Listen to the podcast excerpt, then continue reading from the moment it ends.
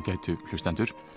Þegar Wolfgang Amadeus Mozart fluttist búferlum til Vínarborgar vorið 1781 var hann staðráðin í því að setja marksitt á listalíf borgarinnar. Hann vildi vekja aðtikli og hrifningu bæði fyrir tónlist sína og píjánuleik og hann ætlaði að ná eirum fólks sem full þroska listamæður en ekki ofvaksið undrabarn. Sumt gekk ekki alveg upp í fyrstu tilraun Til dæmis tókst honum ekki að fá afdráttarlausan stuðning keisarans, Jósefs Annars, sem fannst aðeins of margar nótur í nýju óperinu sem Mozart samti fyrir Hirð-óperuhúsið, brotnáminu úr Kvennabúrinu. Því fekk hann engar frekari beinir um óperu að svo stöttu. En Mozart var í miklu metum hjá hátt skrifuðu aðalsfólki sem stuttan með ymsumóti. Hann var líka duglegur við að ná sér í nefendur og ekki síst stóðan fyrir nokkuð umfangsmiklu tónleikahaldi fyrstu árin í Vínaborg sem gaf honum tækifæri á að skapa ódöðlega tónlist og kynna sjálfan sig sem óviðjafnanlegan hæfileikamann hvort sem var sem tónskáld eða píjánuleikari.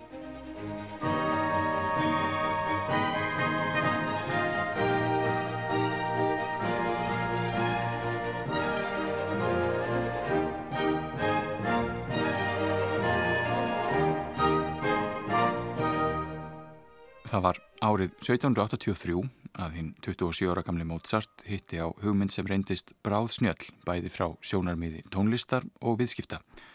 Hann held það sem vínarbúar kölluðu akademíu, ofinbera tónleika sem hann stóð fyrir sjálfur og bar hitan og þungan af öllu skipulagi. Það var auðvitað í mörg horn að líta. Hann þurfti ekki bara að semja tónverkin og æfa sig á píanóið, heldur líka leia sál, ráða hljóðfarleikara og æfa hljómsveitina prenta aðgöngumiða og sjá til þess að fólk frétti af tónleikunum. Hinn fjárhagslega ábyrð var öll á hans herðum. Ef enginn hefði mætt, hefði Mozart farið beina leið á hausinn, en svo var nú til allrar hamingju ekki. Velgengni tónleikana vorið 1783 var til þess að Mozart endur tók leikinn og það oftar en einu sinni næstu árin. En það var hér fullkomið tækifæri fyrir aðtorku saman hæfileikamann. Fyrst Vínarborg vildan ekki sem óperutónskáld, gerðist hann tónleikahaldari í staðin.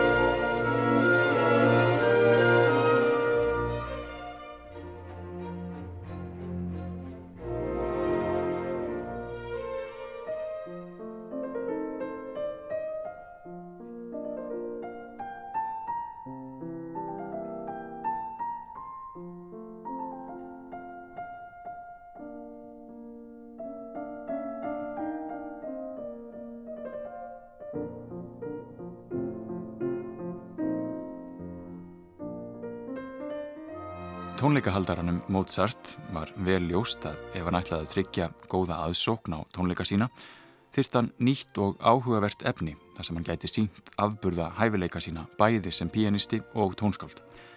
Einn grein tónlistarinnar bauð upp á slíkt, öðru fremur, pianokonsertar. Þetta er ástæði þess að Mozart lagði einna mesta rægt við slík verk fyrstu árin sem hann bjó í Vínaborg. Hann samti allt í allt 23 konserta fyrir sitt eigið hljóðfæri Raunar er númeraröðin á þeim svolítið villandi því hún nær upp í 27 en það er vegna þess að fyrstu fjórir píanokonsertarnir eru ekki frumsamdir heldur útsetningar á verkum eftir ímsa höfunda. Vínarborg hefur auðvitað lengi verið ein af höfuborgum tónlistarinnar en eins sérkennilega og það nú kannar hljóma var engin tónleikahöll til í borginni árið 1784 Það voru enn 90 ár þar til hinn skínandi fagri gullsalur í tónleikahúsinu Músíkferæn yrði výður. Helsti samkómusalur fyrir meiri háttar tónlistarviðburði í Vínarborg var Hirðóperan í Burgteater en hún var auðvitað frátekinn fyrir óperuflutning meir og minna öll kvöld ársins. Mozart dóð þó ekki ráðalauðs, heldur koma fót eigin tónleikaröð í sal sem ekki var beinlinis ætlaður fyrir tónlist en samt vel brúklegur sem slíkur. Trattnerhof var vegleg nýbygging í hjarta Vínaborgar sem kunningi Mozarts og leigusali Jóhann Trattner hafi látið byggja nokkrum árum fyrr. Hann var vell auðugur bókabúða og brentsmiðju eigandi og eiginkonans hafi verið meðal fyrstu píanonemenda Mozarts í Vínaborg. Mozart og Konstanza, eiginkonans, byggu einmitt í íbúð á þriðju hæði Trattnerhof um þetta leiti og á jarðhæðinni var nokkuð stór salur sem mátti nota til tónleikahalds. Þetta hefði eiginlega ekki getað verið hendugra. Það þurfti bara að flytja flíil Mozarts niður tvær hæðir í sama húsi.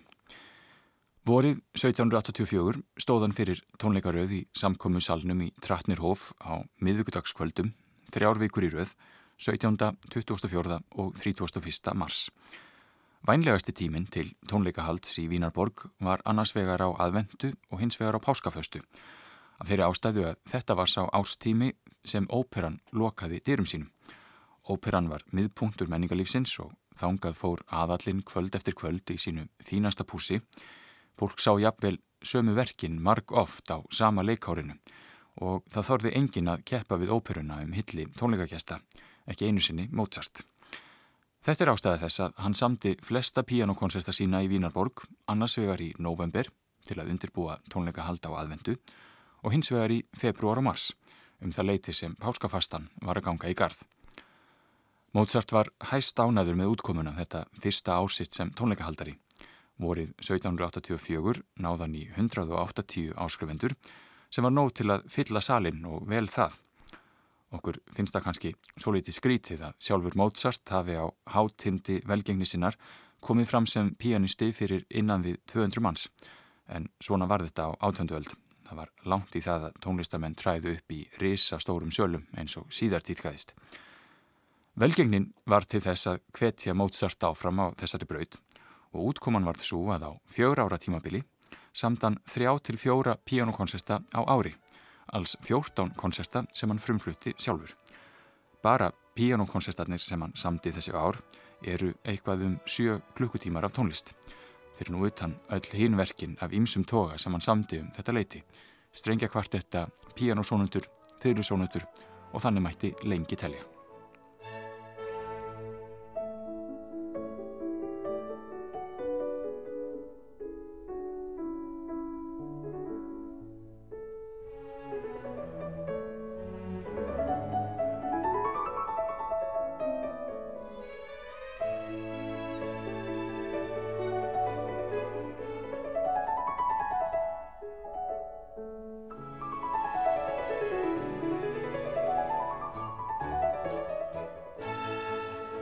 Það var fyrst og fremst vegna þess að hans eigið tónleikahald gekk svo vel að Mozart þjernaði príðilega þessi fyrstu ár sín í Vínarborg.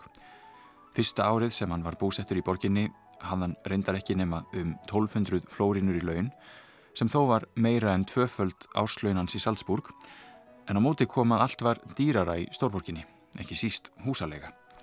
Árið 1785 var hann komin upp í eitthvað um 3000 flórinur sem voru dágóður peningur svipað og áslaun hátsettra ennbættismanna. En Mozart var ekki ráðdeildarsamur og þótt hann hefði hærri laun nú en áður voru útgjöldin líka meiri. Hann flutti í stóra og dýra íbúð þar sem leigan var þrefalt hærri en þar sem hann bjó áður. Hann klættist dýrum, klæðskera saumuðum fötum, átti eigin hestvagn og hest og lengst af voru bæði kokkur og þjónuststúlka til aðstóðar á heimilinu. Í stofunni var ekki bara flíil heldur líka stórt og veglegt biljardborð því að Mozart var forfallin biljardspilari þegar hann var ekki önnum kafin við tónlistina. Sumir fræðimenn hafa kastað fram þeirri spurningu hvort Mozart hafi reynlega verið spilafíkil og sóað öllum peningum sínum þannig en það verðist ekkert sérlega líklegt. Húnum helst aftur á móti illa á peningum og hugsaði ekkert um framtíðina. Við komum aftur að fjárhagskrökkum Mozarts setna í þessari þáttaröð.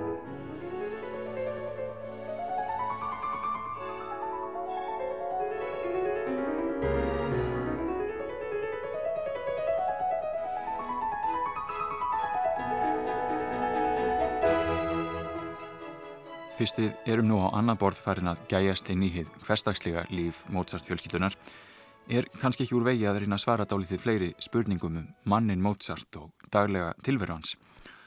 Öllum samtíma heimildum ber saman um það að Mozart hafi verið lávaksinn og fölleitur, svo litið klaufskur og með allmörg ör í andlitinu, aflegging þess að hann smittaðist af bólusótt sem barn. Hann vaknaði yfirleitt um sexleitið og var tekinn til við tónsmíðar klukkan 7 á hverju morgni og hann stóð við tónsmíðarnar, hafi látið útbúa hátt skrippborð því það fór betur með bakið að standa. Mozart fannst best að semja á morgnana Hann samti til háttegis en kendi píanonemendum setni partinn, svo tók hann aftur til við skriftir klukkan 5 eða 6. Ef hann þurfti að leika á tónleikum eða fara í óperuna, byrjaði hann eitthvað semja aftur fyrir en seint um kvöld. Konstanza, eiginkona hans, fullisti setna á æfinni að Mozart hefði hreinlega dáið af ofreinslu. Hún rifjaði upp að stundum hefðan verið svo önnum kafin við tónsmíðarnar að hann hafi ekki farið að sofa fyrir klukkan 2 um nótt og verið vaknaður aftur klukkan 4.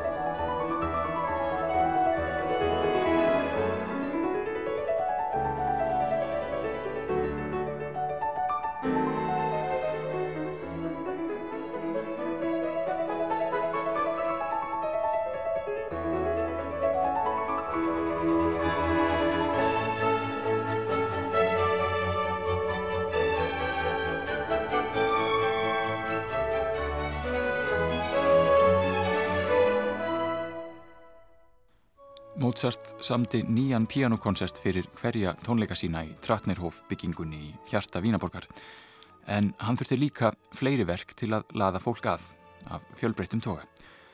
Einn pianokoncert tekur ekki nema hálf tíma í flutningi og hann fylgdi upp í efniskrána með pianotónlist og kamerverkum.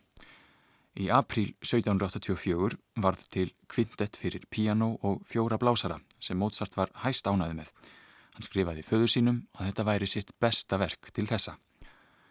Það er auðvitað smekksatriði og í öllu falli áttu meistaraverkin eftir að renna í stríðum ströymum úr fjæðurstaf Mozart næstu árin en verkið er dásamlegt eiga síður. Það er líka til marksum áhuga Mozarts á treblástur sljóðfærum. Hann hafði þegar leikt saman slík hljóðfæri í stóru sopranariunni úr sémólmessunni sem hljómaði í síðasta þætti og það varð eitt sérkenni píjónukonsertana sem hann samti um þetta leiti að treblásarar fá þær mun stærra hlutverk en áður hafi týðkast. Það voru greinilega fyrirtagsblásarar í Vínarborg og Mozart var staðráðin í því að nýta sér hæfileika þeirra til fulls.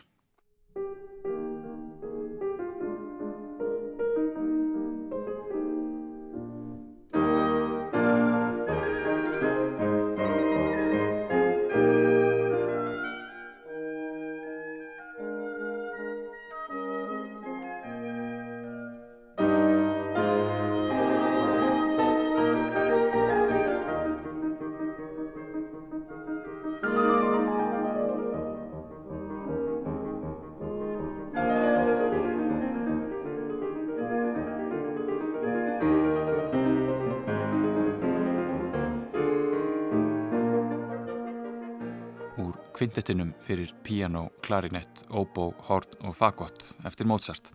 Verkið samið vorið 1784 fyrir eina af tónleikum hans í Vínarborg. Hægið þáttur þessa sama verks er ekki síður dásamlegur. Í raun fullkomið dæmi um hið fyrirhafnarlausa samspil þar sem hver einasta rödd skiptir máli en er um leið órjúvanlegur hluti af stærri heilt.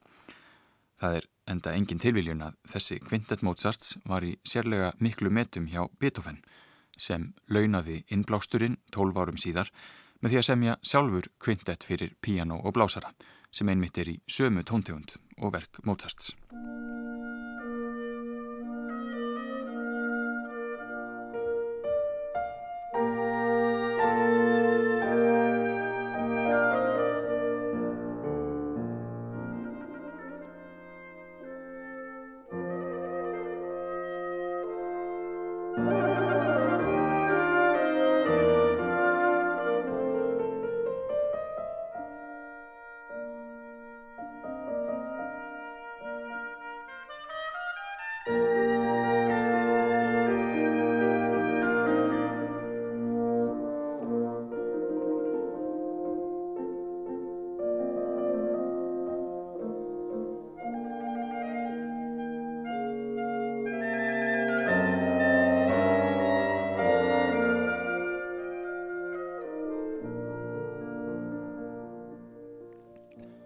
Hægikablinn úr kvintett Mozarts fyrir piano og blásara.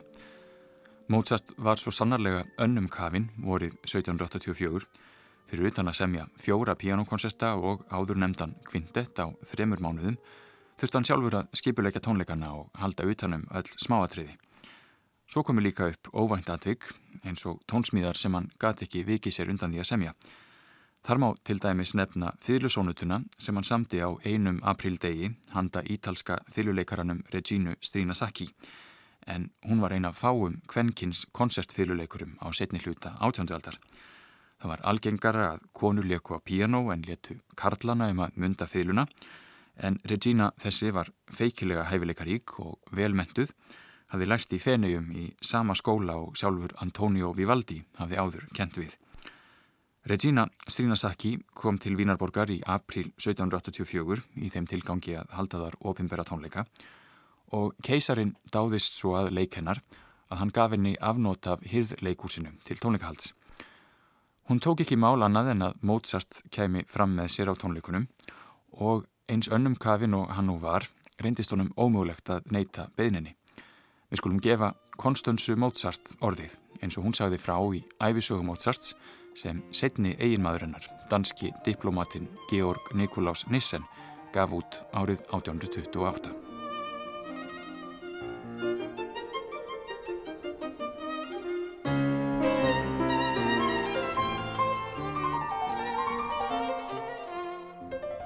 Fröken Strína Saki vildi ólumleika eitt glænýtt sóloverk á tónleikum sínum í Vínarborg og bað hún því Mozart um að semja fyllusónutu og leika með sér á píanóið. Hann lofaði hvori tvekja en var önnum kafin og tók ekki til við að semja verkið fyrir en kvöldið fyrir tónleikana. Mozart skrifaði niður fyluröttina í verkinu en hafði ekki tíma til að skrifa niður píanópartin. Þau hafðu ætlað að æfa daginn eftir en þá var Mozart upptekinn við píanókjenslu svo þau leku verkið í fyrsta sinn í gegn á tónleikunum sjálfum við mikinn fögnuð áherenda. Mozart var ekki enn farin að skrifa sónutuna niður en setti aukt nótnablað á flílinn svo það sæjist ekki að hann væri að spila eftir minni. Jósef Keisari var viðstattur tónleikana, satt í stúkusinni og hefði leikúskíki meðferðis. Honum virtist nótnablaði vera aukt og að tónleikunum loknum bað keisarin Mozart að koma til sín og sína sér nótnablaðið. Hann var forviða þegar grunur hans var staðfestur. Á nótnablaðinu stóð ekki svo mikið sem eitt taktstrykk.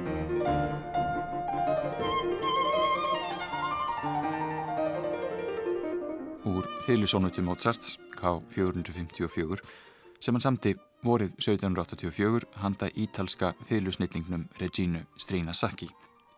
Handrit Mozarts að verkinu staðfestir söguna sem eiginkona hans sagði.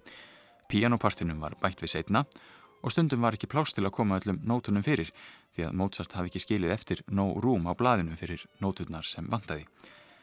Þetta var meiri sé ekki í fyrsta sinn sem Mozart fór svona að við tónsmíðarnar. Hann hafi þremur árum fyrr leikið einmitt sama leik aðeins skrifað út fyluröttina í nýri sónutu en látið pianopartin býða fram yfir frumflutning. Það verður nú að segjast alveg eins og er, alveg burt sér frá næri því yfir náttúrlegum hæfileikum þess sem í hlut átti, að þetta getur nú valla talist góður síður. Maður veltir því fyrir sér hvort Mozart hafi stundum vísvitandi reynd að setja sjálfum sér þrautir sem erfitt væri að leysa og sem krefðust fullkominar einbeitingar undir miklu álægi Kanski hafði hann einhverja þörf fyrir að upplifa aftur spennuna sem hann fann sem barn og unglingur þegar hann ferðaðist borg úr borg og lekkinar ímsu kunstir á sviðinu.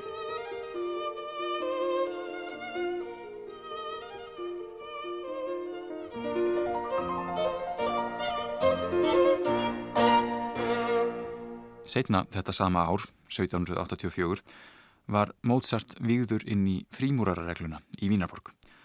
Hann var duglegur að sækja fundi þar næstu árin og varla leikur nokkur vaf á því að í gegnum þennan félagskap fór Mozart að hugleiða háleitari efni í tilverunni. Prímúrarar voru á þessum tíma miklir fylgismenn upplýsingarinnar, börðust fyrir betra þjóðfélagi, kærleika og umburðalindi. Meðal þeirra sem tilheyrðu frímúrararreglunni í Vínarborg voru vísendamenn og listamenn, læknar og hátsettir ennbættismenn Alls voru 600 frímúrarar í borginni um þetta leiti og meðal þeirra voru margir vinir Mozarts, til dæmis tónskáldið Jósef Haydn og leikarin Emanuel Schikaneder. Tónlist gengdi mikilvægu hlutverki á frímúrarafundum í Vínarborg og þá var nú hagkvæmt að hafa tónsnilling eins og Mozart innanbúðar. Oft voru þetta einhvers konar hátíðarsöngvar fyrir einsöngvara eða kór og þótt ekki verði nú sagt að þessi lög séu það besta sem Mozart samti, eru sum þeirra fallegar hugleiðingar um einmitt þau góðu gildi sem frímúrarar stóðu fyrir.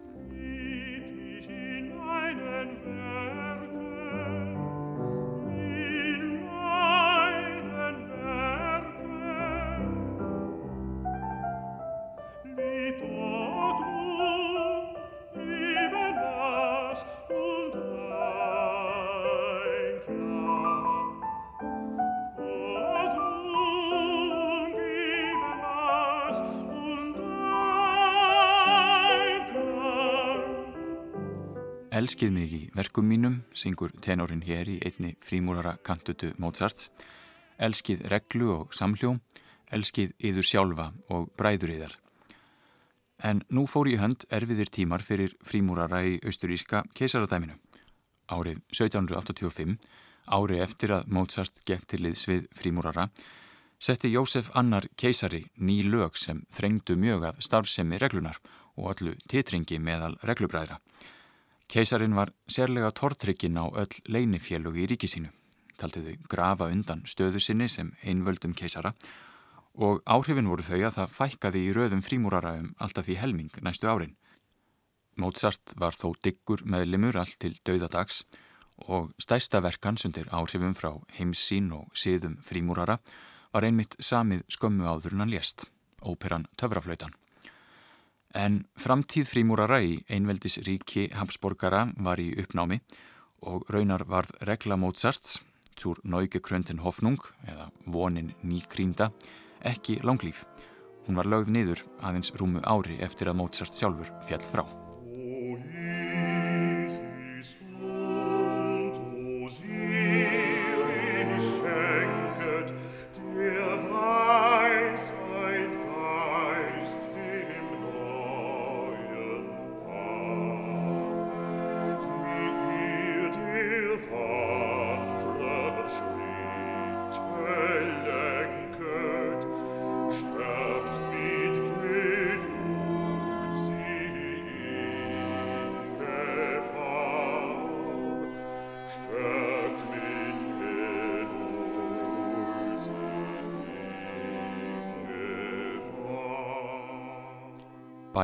Egifsku guðana og Ísis und Osiris úr töfraflautinni. En aftur að pianokoncertunum sem Mozart var önnum kafin við að semja um það leiti sem hann gekk í frímúrararegluna. Árið 1785 stóð Mozart annað árið í rauð fyrir viðamiklu tónleikahaldi á Páskaföstu en nú hafðan fundið nýjan tónleikastað í Melgrúbe sem var veitingastaður og spilavíti. Það hljómar kannski dálítið sérkennilega að ímynda sér Mozart við flíilinn í alræmdu kasínói en þannig var það nú samt og kannski áminningum að það var ekki fyrir ná 19. öld sem tónlistarmenn og áheyrendur fór að taka síkilda tónlist eins óurlega hátíðlega og raunin varð. Mozart helt sex áskriftartónleika í Melgrúbi og það var þetta vor sem tveir af dáðustu koncertumanns urðu til, pianokoncertarnir nr. 20 og 21. Og það var líka vorið 1785 sem Leopold Mozart heimsótti svonsinn til Vínarborgar í eina skiptið. Þetta var í síðasta sinn sem þeir feðgarnir sáust og það er kannski engin tilvíljun að konsertin sem Mozart lauk við einmitt sama dag og fadir hans byrtist í Vínarborg er kvíðaþrungin. Þetta er annar af aðeins tveimur konsertumanns í moll og sá lang deksti hinga til.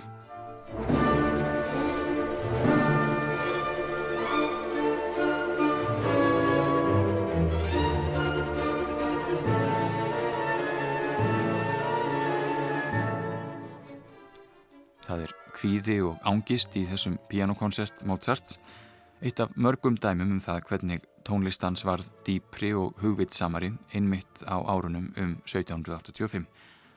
Mozart vissi að til þess að halda aðtikli tónleikagjastana og tryggja það að þeir kæmu aftur og aftur, viku eftir viku, þýrst hann að hafa eitthvað nýtt og spennandi á bóðstólum í hvert sinn. Pianokoncertarnir sem hann samti á þessum árum eru einmitt ótrúlega fjölbreyttir hvað varðar efnistök. Þeir eru óviðjafnanleg meistaraverk en þeir eru líka vittnisspurður um sjálfsbjargar viðleitni ungs hæfileikamanns sem sá að hann er að skapa sér sín eigin tækifæri í stórborginni.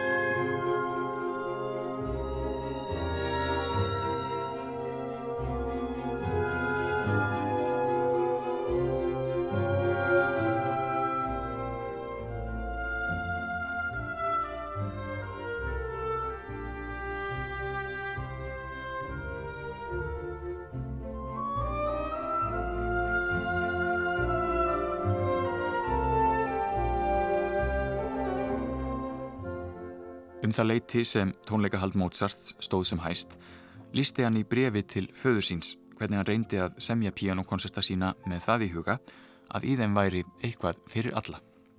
Í þessum konsertum hef ég ratað á góðan meðalveg millir þess sem er of einfalt og of erfitt. Þeir eru glæsilegir, láta vel í eirum og eðlilegir án þess að vera rýrir að innihaldi. Það eru kaplar hér og þar sem aðeins sannir tónlistarunendur geta notið til fulls. En ég samti þá samt þannig að þeir sem skilja minna í tónlist geta samt sem áður haft gaman af. Þó þið veitir kannski ekki alveg hvers vegna.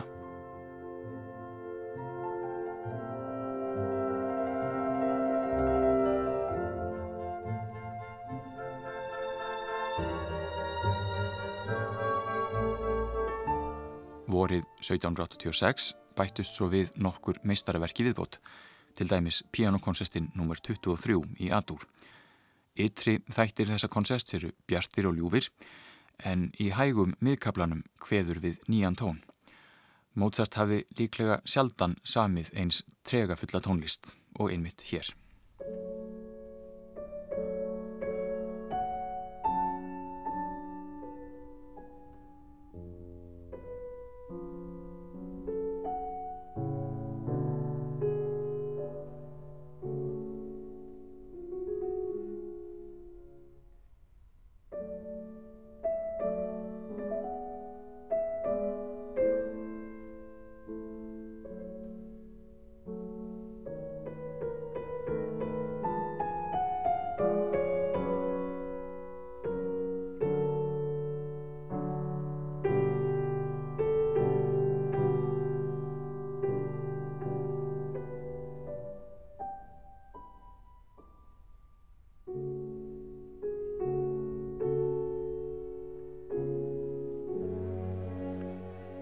Ekki nema 22 dagar frá því að Mozart lauk við konsertin í Adur og þar til hann hafi lokið við enn einn pianokoncert og sá er alveg gjör ólíkur hinnum fyrri.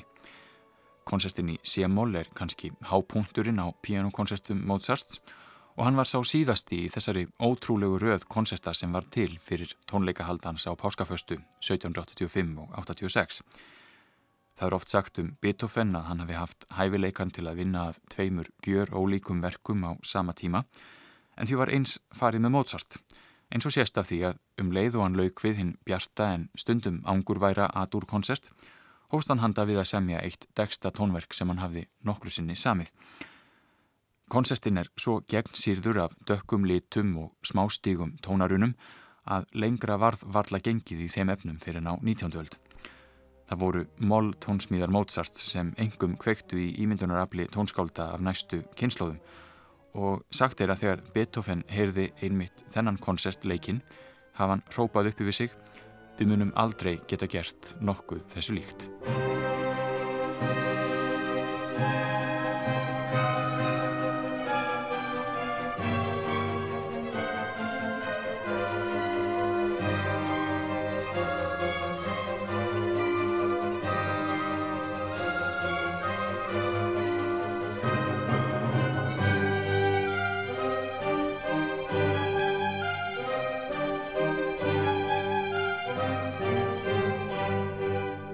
Mozart átti það til að semja jafnvel heilu tónverkin í höfðinu áður en hann festiði á blað og saganum þylusónutuna handa Regínu Strínasaki sem nefnd var hér áðan er einmitt til marksum einstaka hæfileikans á þessu sviði. En stundum eru handreitina verkumanns vittnisspurður um þá miklu glímu sem það var að koma verki í fullkomið form þar sem allt var eins og það átt að vera.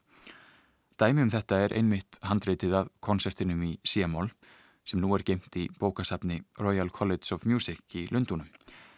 Af þessu handreiti má sjá að í fyrsta kaplanum var Mozart í mestu vandræðum með að ákveða í hvaða röð stefinu eftir hljóma. Heilda struktúrin vafðist all nokkuð fyrir honum og til að koma því til skila hvernig þetta ætti allt saman að vera þurft hann að krota alls konar stryk sem vísa hingað og þangað í nótunum.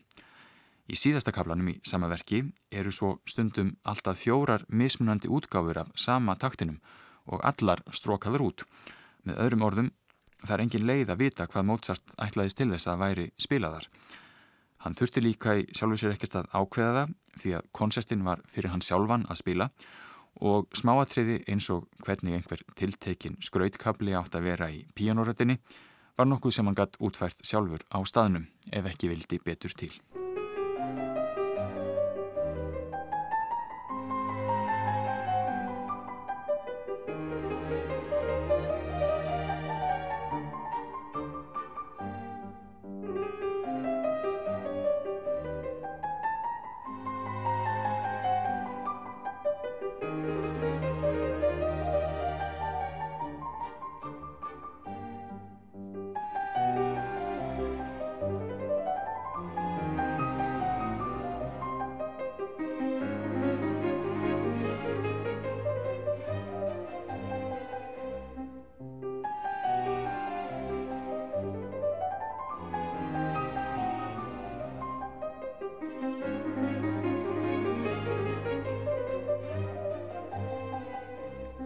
Brot úr pianokoncert í C-moll, verki sem reyndist Mozart óvinju mikil þraut að koma á blað. Og fyrst við erum á annað borð farin að ræða vinnuaðferðir Mozarts er kannski ekkur vegi að skoða það hvernig hann bar sig að. Það að skoða skissur hans og handrit er nefnilega stundum eins og að gæjast yfir aukslands þar sem hann situr eða öllu heldur stendur við tónsmíðarnar. Mozart skildi eftir sig um 150 ófullgerðverk, einhver staðar á bylinu 10 til 200 takta, sem einhver tíman áttu að verða fullbúin tónsmíð. Mozart samti sjaldnast tónverk nema hafa til þess tílefni, en hugmyndirnar gáttu komið hvena sem var og hann lagði það í vana sinn að sapna góðum hugmyndum til að nota kannski einhver tíman setna. Hann átti í raun eins konar spjaldskrá af góðum hugmyndum sem hann gatt gengið í og klárað þegar rétta tækifærið kom. Sem dæmi má nefna að pianokoncertarnir í A-dúr og C-dúr og klarinettkoncertin Vinsæli höfðu allir leið sem ófullgerðar skissur í nokkra mánuði eða jafnvel nokkur ár þegar Mozart tók sig aftur til og fór með á alla leið. Við skulum heyra til gamans hvernig einn svona skissa hljómar Þetta er hugmynd Mozarts að strengja kvartett í G-mól, líklega frá árinu 1789.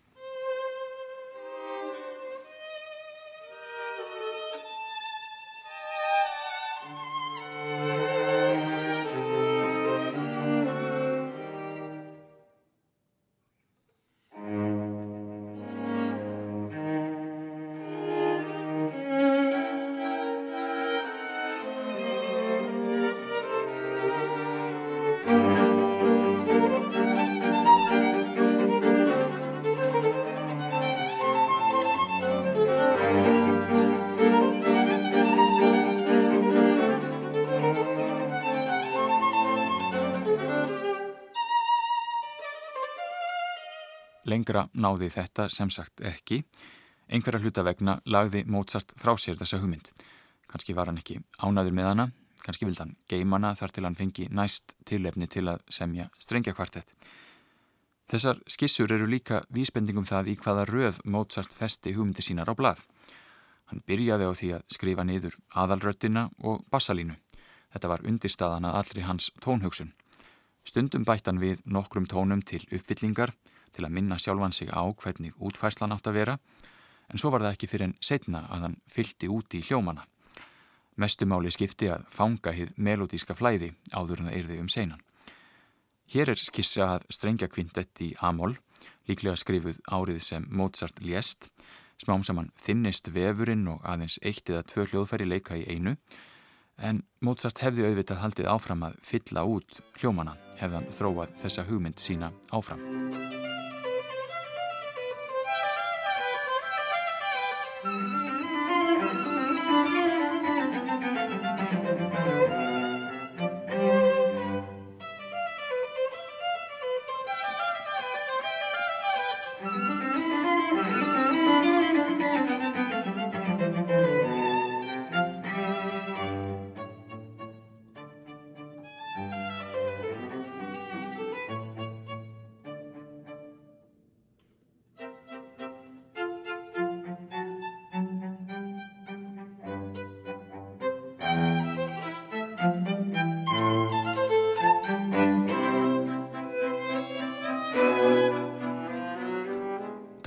Dálítil insýn í vinnustofu Mozarts.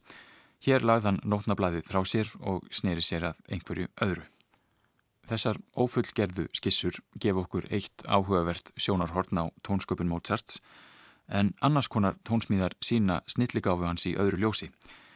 Samtífamenn Mozarts voru á einu máli um að þótt tónsmíðar hans væru fyrirtak og píjánuleikur hans fyrsta flokks væri þó einn grein tónlistarinnar þar sem enginn stæðist honum snúning. Spuni. Mozart var líklega eitt mesti spunameistari tónlistarinnar síðan Jóhann Sebastian Bach var og hétt. Þegar hann helt tónleika var eitt atriði á efniskráni íðurlega frjáls spuni sem jáfnvel gætt staðið í hálfa klukkustund eða lengur. Þetta voru könnunar leiðangrar ímyndunaraflsins þar sem Mozart leik sér með hinn ólíku litbríði og möguleika píanósins. Tjáningin spannaði allt frá ólgandi dramatík til ángurværar ljóðrænu Stundum voru stefin tilturlega formföst en inn á millíkat brostið á með köplum sem voru vægast sagt lausir í reipunum.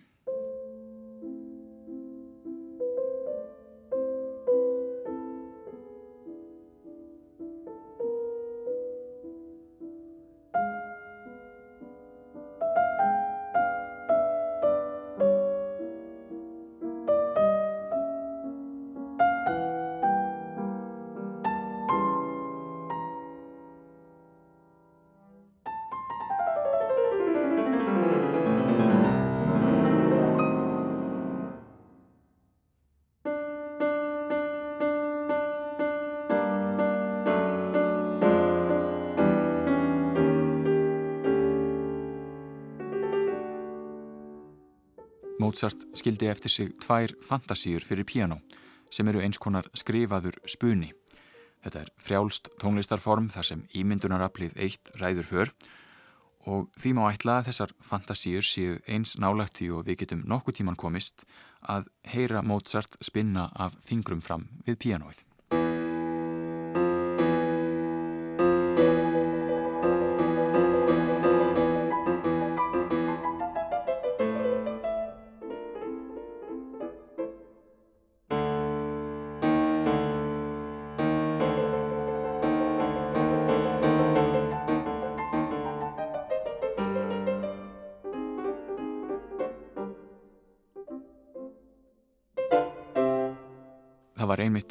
Verkum eins og Sémól fantasíunni sem hljómar hér, pianosónutunni og koncertinum í sumu tóntegund að maður heyrir að Mozart var farin að kanna nýjar slóðir í tónlistinni á árunum 1785 og 86.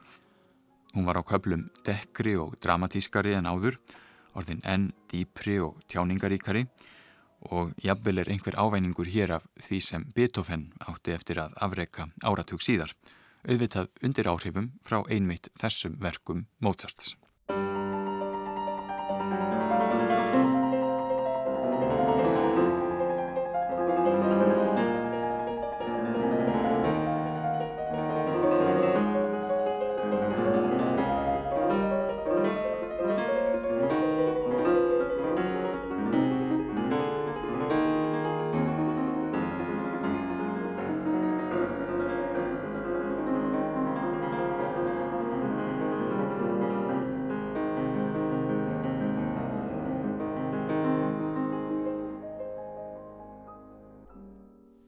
Fantasíun í Sémól, eins konar frjálsu spunaverki sem Mozart festi á blað vorið 1785. En Mozart fjagst við fleira en að semja pianotónverk þessi ár. Eitt af stóru verkefnunum sem hann setti sér var að semja röð 6 strengjakvartetta sem hann tilengaði vini sínum og kollega, hinnu mjög svo virta og dáða enga tónskáldi Ester Hassi fjölskyldunar, Jósef Haydn. Hann var austuríst tónskáld, bróðir Mikaels Haydn sem hafi verið hyrð tónskáld í Salzburg og var því mótsart af góðu kunnur.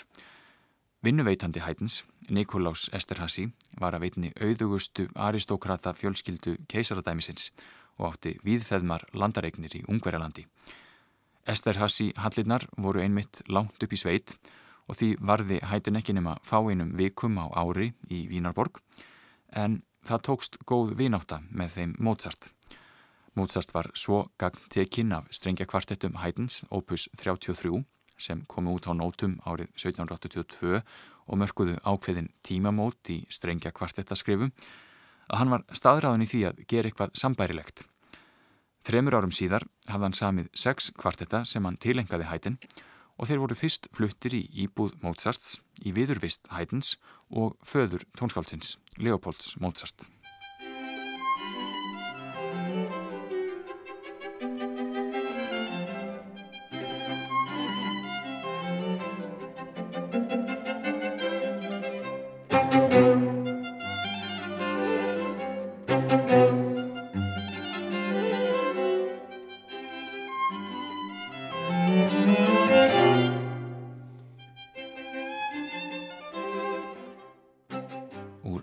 Haydn kvartettunum svo nefndu sem Mozart samti 1785 og tilengaði vini sínum Jósef Haydn. Það varð flestum ljóst sem báru verk Haydns og annara samtímamanna saman við verk Mozarts að sá síðarnemdi var farin að tefla ofenju djarft í tónlistinni að minnstakosti í hugum íhaldsamra vínarbúa. Það kann að hljóma ósennilega í eirum okkar á 2001. öld sem höfum heyrt allar þær ómstríður og framúrstefnu sem hugsast getur en á síðustu æfi árum sínum fekk Mozart það orð á sig að vera erfitt tónskáld. Gaggrínendur voru líkt gefnir fyrir slíka tónlist og sem dæmum á nefna að hæten kvartetarnir fengu fremur slæma útreyði tónlistartímariti árið 1787. Mozart er færasti píjánuleikari sem ég hef nokkru sinni heyrst. Það eina sem hægt er að finna að er að hann stefnir of hátt í hinnum listrænu og sannarlega fögru tónsmíðum sínum til þess eins að vera frumlegur. Það verður að segjast eins og er að þegar þetta gerist skortir tónlistina bæði tilfinningu og tjáningu. Þessi nýju kvartettar sem hann tilengar hætnin eru allt of stert kryttaðir og hvaða bræðlaukar geta þólað slíkt til lengdar. Já, samtíma menn Mozarts kvörstuðu sumir yfir of miklu krytti í tónlistinni, gaggríni sem hljómar óneitanlega nokkuð hjákáðlega nú 230 árum síðar. Einn af hættin kvartettum Mozarts var einmitt frægur að endemum fyrir óvenjulega hljómaframvindu sem kom mönnum í opna skjöldu. Verki hlaut viðurnefnið Ómstríðu kvartettin vegna þess að hægur ingangur fyrsta þáttar einkennist af skerandi þverstæðum eins og misgengi sé milli hljóðfæranna og þau get ekki komið sér saman um rétta tóntegund. Jafnvel meir en hálfri öld síðar keftust vel meinandi tónlistarfræðingar við að leiðrétta nótunar í upphafstöktum kvartetsins þar sem þeim þótti augljóst að eitthvað hefði brenglast í meðförum Mozarts.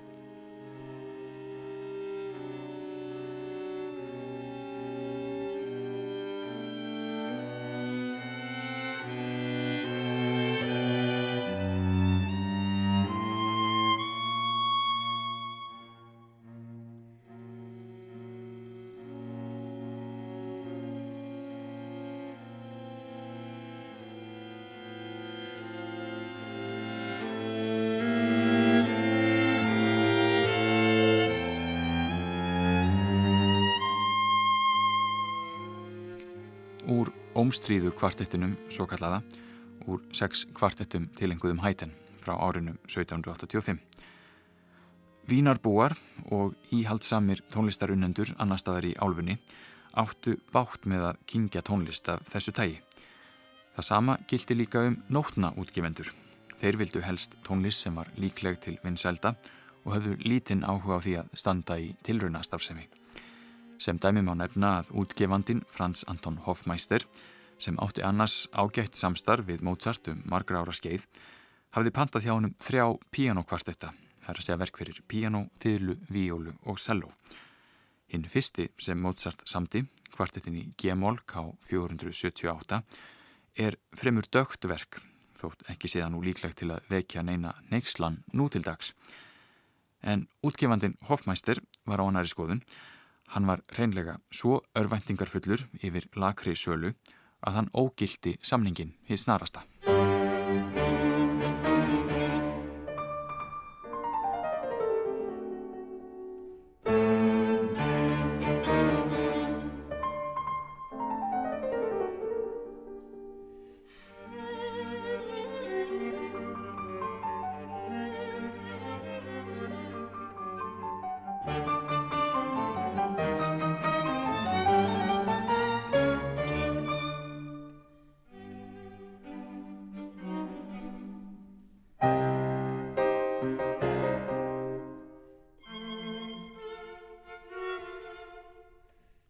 Úr pianokvartett í G-mól sem nótna útgefandanum Hofmeister líkaði ekki betur en svo að hann hætti við útgáfu á tveimur kvartettum Mozart til viðbótar.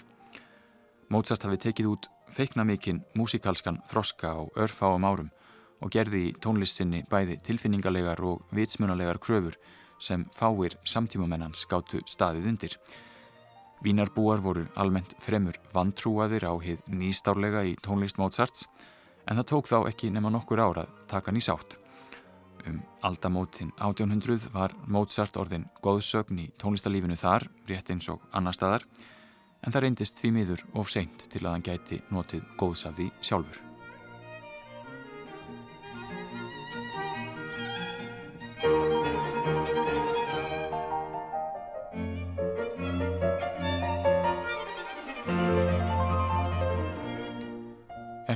Blómaskeið pianokonsertana á árunum 1784 til 86 sneri Mozart sér að öðrum viðfangsefnum. Pianokonsertar voru ekki miðlægir í sköpunans eftir þetta en það fekk hann nú loksins tækifæri til að semja óperur og það var það sem hugur hans hafði alltaf stemt til.